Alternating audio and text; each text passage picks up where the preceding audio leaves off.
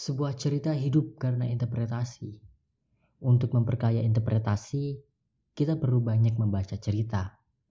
Dari kolom netizen, dan inilah baca-baca.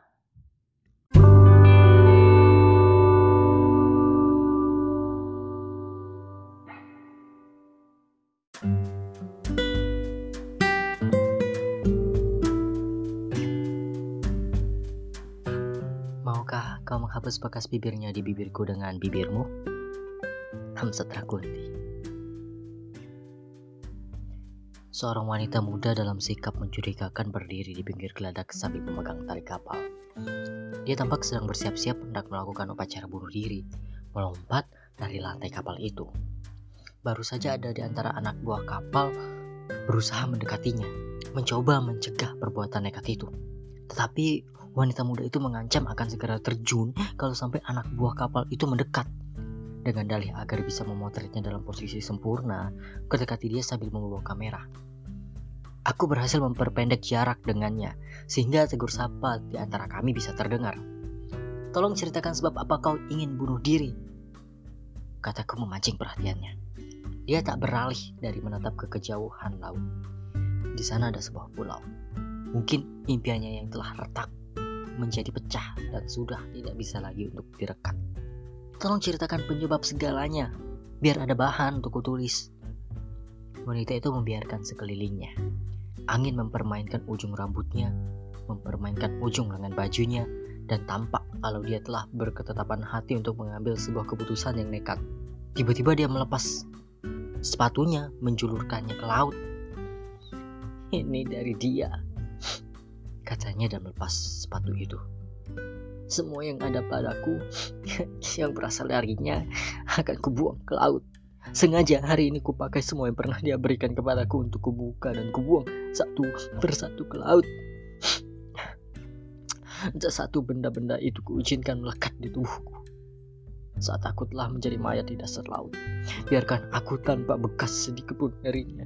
Inilah saat yang tepat membuang segalanya ke laut dari atas kapal yang pernah membuat sejarah pertemuan kami. Wanita muda itu melepas kancing-kancing bajunya, melepas pakaiannya, dan membuang satu persatu ke laut. Upacara pelepasan benda yang melekat di tubuhnya diakhiri dengan melepas penutup bagian akhir tubuhnya, membuangnya ke laut. Apa pun yang berasal darinya tidak boleh ada yang melekat pada jasadku saat aku sudah menjadi mayat di dasar laut. Biarkan laut membungkus jasadku seperti kain pembungkus mayat. Biarkan asin airnya menggarami tubuhku tanpa selai benang penyekat. Wanita yang telanjang itu mengangkat sebelah kakinya melampaui temali, bersiap-siap membuang dirinya ke laut. Kamera kubidikan ke arahnya. Di dalam lensa terhampar pemandangan yang fantastis. Wanita muda dalam ketelanjangannya berdiri di tepi geladak dengan latar ombak dan burung camar. Sebuah pulau berbentuk bercak hitam di kejauhan samudera terlukis di sampingnya dalam bingkai lensa. Sebelum melompat, dia menoleh ke arahku seperti ada yang terbesit di benaknya yang hendak dia sampaikan kepadaku. Sebelum dia melompat mengakhiri ombak. Ternyata tidak segampang itu membuang segalanya, katanya ada sesuatu yang tak bisa dibuang begitu saja.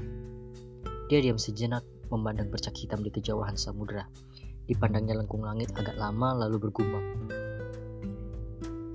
Bekas bibirnya. Bekas bibirnya tak bisa kubuang begitu saja. Dia berpaling ke arahku. Tatapannya lembut menyejukkan. Lama dan agak lama, mata itu memandang dalam. Tatapannya mengambang. Maukah Maukah kau menghapus bekas bibirnya di bibirku dengan bibirmu? Katanya dalam nada ragu. Aku tersentak mendengar permintaan itu. Sangat mengejutkan dan rasanya tak masuk akal diucapkan olehnya. Permainan itu terasa datang dari orang yang sedang putus asa. Kucebati wajahnya dalam lensa kamera yang mendekat. Pemulas bibir berwarna merah tembaga dengan sentuhan berwarna emas memoles bibirnya, menyiratkan gaya aksi untuk kecantikan seulas bibir. Tidak akan aku biarkan bekas itu terbawa ke dasar laut. Maukah kamu habis bekas bibirnya di bibirku dengan bibirmu? Tolonglah. Tolonglah aku melenyapkan segalanya. orang-orang yang terpaku di pintu lantai geladak berteriak kepadaku, "Lakukanlah, lakukanlah!" Seorang muncul di pintu geladak membawa selimut terurai, siap menutup tubuh wanita yang telanjang itu. Tolonglah, tolonglah aku menghapus segalanya. Jangan biarkan bekas itu tetap melekat di bibirku dalam kematian di dasar laut. Tolonglah, lakukanlah, lakukanlah. Teriak orang-orang yang menyaksikan dari pintu geladak. Aku hampiri wanita itu. Orang yang membawa selimut berlari ke arah kami, menyelimuti kami dengan kain yang terurai itu di dalam selimutku cari telinga wanita itu. Masih adakah bekas darinya di bagian lain tubuhmu yang harus kuhapus dengan bibirku? Bisikku. Saya Jensen, Pak. Kata wanita itu memperkenalkan dirinya begitu aku selesai menyampaikan cerpen lisan itu dan berada kembali di antara penonton. Saya menggemari cerpen-cerpen Bapak. Saya mahasiswi Fakultas Sastra semester 7. Saya senang sekali bisa bertemu dengan Bapak pengarang dari cerpen-cerpen yang telah banyak saya baca. Terima kasih. Namamu Yansen? Tidak nama seorang Minang. Bagaimana kelanjutan cerpen lisan itu? Kau harus melanjutkannya, kalian, para pendengarnya. Sejak itu kami akrab. Aku seperti muda kembali, berdua ke mana-mana di dalam kampus kayu tanam, maupun ke danau Singkarak Desa Belimbing, Batu Sangkar, Danau Maninjau, Kalau Indah, Lubang Jepang, Larang Sianok, Lembah Anai, dan Istana Pagaruyung. Besok adalah hari terakhir aku di kayu tanam. Aku harus kembali ke kehidupan rutin di Jakarta. Perpisahan itu kami habiskan di kawasan wisata luar kota Padang Panjang. Sebuah kawasan semacam taman berisi rumah gadang dari berbagai daerah di Minangkabau. Kawasan itu bersebelahan dengan lokasi pusat dokumentasi dan informasi kebudayaan Minangkabau Tempat itu sejuk diliputi kabut. Terkenal sebagai kota hujan. Sebentar-sebentar kabut tebal melintas menutup kawasan itu. Kami mencari tempat kosong di salah satu bangunan berbentuk payung dengan meja bulat dan kursi sandar melingkar yang disediakan untuk para pengunjung duduk-duduk dan memandang puncak Gunung Merapi. Kami berkeliling mencari tempat kosong. Tetapi semua bangunan-bangunan kecil itu telah dihuni pasangan-pasangan remaja mereka duduk memandang lembah dan lereng gunung yang terus-menerus diselimuti kabut yang datang seperti asap hutan terbakar. Kami akhirnya duduk di hamparan rumput berbukit di antara rumah gadang pajangan dalam ukuran yang sebenarnya. Selama lima hari, siang dan malam tak pernah berpisah. Malam kita duduk berdekatan di warung-warung membiarkan kopi dingin sambil kita berpandangan. Aku mendengar proses kreatifmu sedang kau mendengarkan riwayat dan asal-usul tempat yang akan kita kunjungi besok pagi. Kita tidak menghiraukan mata-mata yang memandang kita. Kita biarkan percakapan-percakapan tentang kita. Tanganku kau pegang dan aku merebahkan kepalaku ke bahumu dalam udara dingin kayu tanam.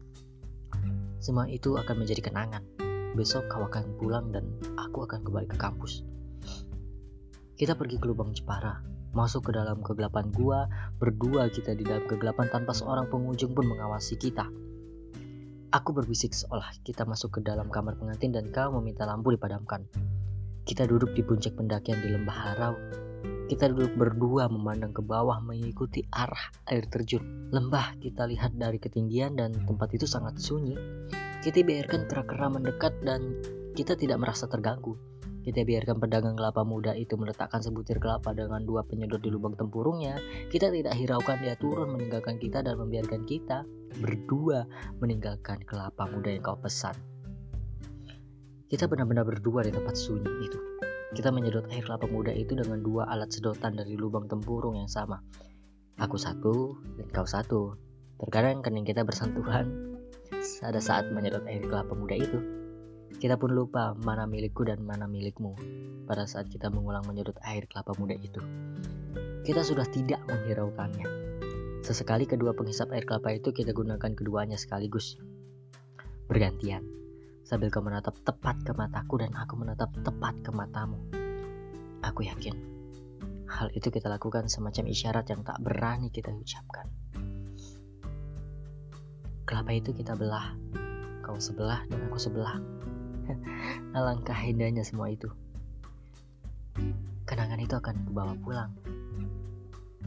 Maukah kau menghapus bekas bibirnya di bibirku dengan bibirmu? Aku mendekat kepadanya. Kabut tebal datang kepada kami.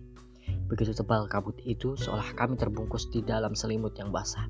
Tak tampak sesuatu pun dalam jarak 2 meter. Kelambu kabut itu menutup kami dari pandangan dunia. Kami berguling-guling di atas rumput dalam kepompong kabut. Masih adakah bekas yang lain di bagian tubuhmu yang harus kuhapus dengan bagian tubuhku? Bisikku. Dia menggeliat di dalam kabut, dicarinya telingaku. Tak ada yang lain yang perlu kehapus, sayang, bisiknya. Serpihan kabut menyapu wajah kami bagaikan serbuk embun di percikan. Apakah kita akan keluar dari kepompong kabut ini sebagai sepasang kupu-kupu? Bekas ini akan kubawa pulang dan akan ada yang menghapusnya. Bagaimana denganmu? Akan kutunggu bekas yang baru di bekas yang lama darimu. Apakah itu mungkin? Mungkin. Aku 54 dan kau 22. Itu tidak mungkin. Mungkin. Aku Datuk Maringgi dan kau Siti Nurbaya dalam usia. Apa yang memaksamu? Entahlah, aku pun tak tahu. Kami turun dari puncak bukit itu berpegangan tangan. Dia memegang erat jari-jariku dan aku memegang erat jari-jarinya. Seolah ada lem perekat di antara jari-jari kami.